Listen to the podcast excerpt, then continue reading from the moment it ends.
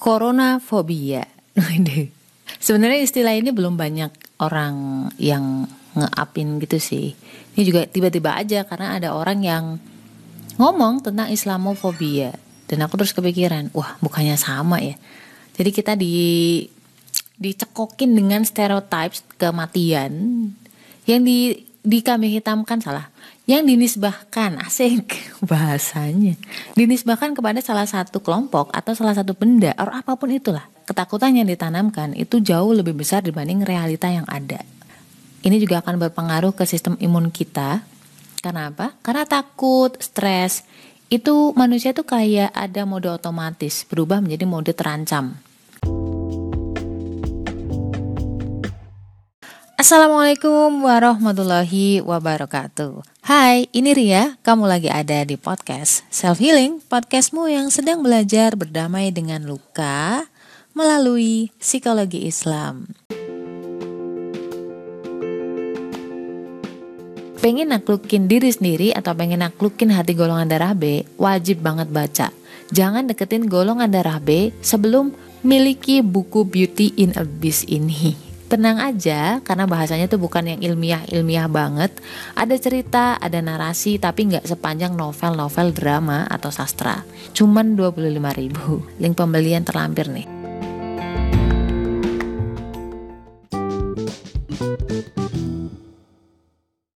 Dulu ketika aku masih SMA, udah udah udah happening banget lah namanya tawuran antar antar SMA 1 dan SMA yang lain gitu kan. Karena stereotyping satu orang yang nakal seolah-olah satu komunitas SMA semuanya itu nakal. Satu orang jelek seolah-olah semua orang di SMA itu jelek. Padahal SMA-nya juga nggak akan mengajarkan kejelekan, apalagi nyuruh-nyuruh untuk udah sana lu ke sana, balas dendam sana kan nggak mungkin ya. Kalau logika logika kita jalan ya. Tetapi apa? Karena semakin banyaknya hasutan di media, seolah-olah seperti itu bahwa SMA ini tuh uh, musuhan lah. SMA ini tuh benci sama SMA kita kan misalkan gitu. Terus mereka mau balas dendam lah. Namanya orang kalau udah benci itu apa aja jadi salah. Lu mau baik sekalipun ya tetap aja salah. Sama ketika lu udah cinta apa aja jadi bener sama juga dengan Islamofobia dulu di Amerika Serikat ketika ada peristiwa WTC ya. Teror-teror semacam itu akhirnya membuat stereotyping seolah-olah satu orang itu mewakili seluruh ajaran Islam. Seolah-olah Islam adalah pembunuh, ya enggak? Sampai pada titik orang-orang akhirnya takut tuh. Begitu ada orang pakai hijab gitu kan. Wah, ini berarti orangnya cupet nih.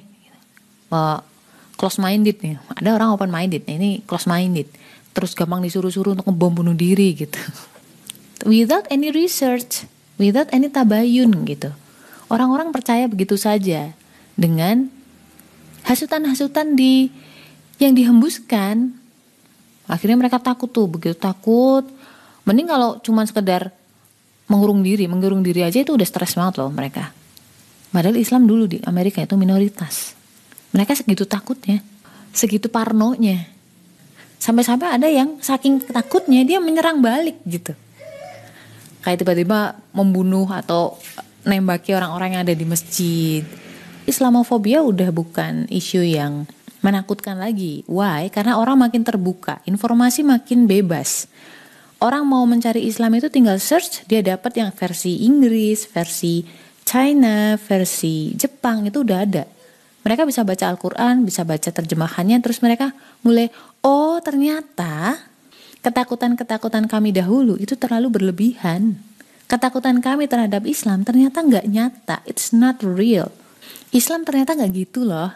Coronafobia apa? Sama juga uh, polanya dengan menghembuskan seolah-olah dia adalah momok pembunuh. Aku nggak bilang bahwa corona nggak berbahaya, enggak. Again bahwa ini subjektif. Nyatanya ketika ada yang positif corona nggak semuanya meninggal kan?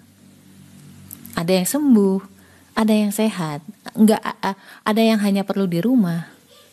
Bahkan ada yang kena positif tapi tanpa gejala. Again, ini lebih jelas lagi bahwa relatif masing-masing orang akan berbeda penerimaannya, berbeda daya tahan tubuhnya. Hanya saja ketakutan-ketakutan itu justru membuat kita sendiri itu jadi parno Pertama, untuk internal, jelas nggak bagus buat imun. Tadi aku bilang, ketika manusia berada dalam mode terancam, merasa nggak aman, nggak safe, insecure, menghabiskan RAM, kalau di komputer kayak gitu, menghabiskan energi, menaikkan kadar hormon stres atau kortisol dalam tubuh. Itu juga seiring dengan kenaikan gula. Ketika gula lo tinggi, ya, imun tubuh kamu itu jadi turun. Ketika imun tubuh kamu turun, jangankan virus corona, virus flu itu kamu nanti jadi gampang flu, gampang sakit, gampang radang. Kalau dari luar kayak radang gigi, radang gusi kan kelihatan ya enak gitu. Kalau radangnya kayak yang lain-lain, kalau cuma sebentar nggak masalah. Tapi kalau ketakutan kamu itu dibangun berhari-hari, bertahun-tahun kamu mengonsumsi hal-hal kayak gitu, ya jatuhnya lebih parah lagi. Blunder jadi malah kayak bola salju, makin gede lagi efeknya. Corona itu ke kamu. Itu yang pertama, buat diri sendiri. Nah, untuk yang keluar, nah ini yang parah sih kalau ini. Saking takutnya sama corona, lo bahkan nggak mau ngebantuin orang-orang yang saat ini lagi kesulitan. Misalkan kayak teman lo sakit nih, dia positif. Lo tahu nggak ketika orang positif, terus mereka bingung nyari makan gimana? Iya kalau dia punya kulkas. Kalau enggak, akhirnya dia malah meninggal karena apa? Karena kelaparan. Terus lagi misalkan yang lebih jahat ya. Orang borong susu bir brand. Yang dulu harganya berapa sih? Dulu harga berapa sih lupa 8 ribu. Ada yang jual sampai beratus-ratus ribu di marketplace. Karena apa? Karena isu. Isu yang bilang bahwa susu bir brand bisa menyembuhkan covid misalkan. Diborong lah itu terus kamu jual lagi itu kan kejam ya jahat itu namanya non empati sama juga dengan oksigen tahu nih wah oksigen nanti bakal langka nih belilah lo banyak tuh ditimbun. Lo jual lagi misalkan atau misalkan ya lebih jahat lagi adalah dari tabung besar kamu pindahin ke tabung-tabung kecil. Terus kamu jual lagi dengan harga yang lebih tinggi. Bisnis. Sebenarnya siapa sih the real pembunuh itu? Karena paranoid dan dimanfaatkan oleh orang-orang yang berduit atau budak duit. Come on guys. Menderita Islamofobia, mereka cari tahu, research, do their own research. Misalkan seluruh dunia ingin mencelakakanmu, kalau Allah bilang enggak, no, say no, you know, kamu nggak akan kenapa-kenapa. Tapi kalau misalkan, misalkan seluruh dunia nge-backup kamu, melindungi kamu, tapi kalau Allah bilang kamu harus diuji dengan sesuatu yang bikin celaka, ya kejadian. Mau corona atau enggak. Kalau emang udah saatnya, ya kita tetap berpulang kok. Yang penting pertama doa, terus do ikhtiar, riset sendiri, doing protokol, do tawakal. Punya iman, punya tawakal. Bersama kesulitan ada kemudahan.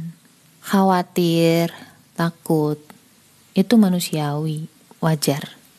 Bertahan hidup, berbuat baik itu kewajiban dan tawakal serta iman itu kebutuhan. Sekarang balik lagi ke lo. Apakah lo bakal terus-terusan mengonsumsi ketakutan atau do something?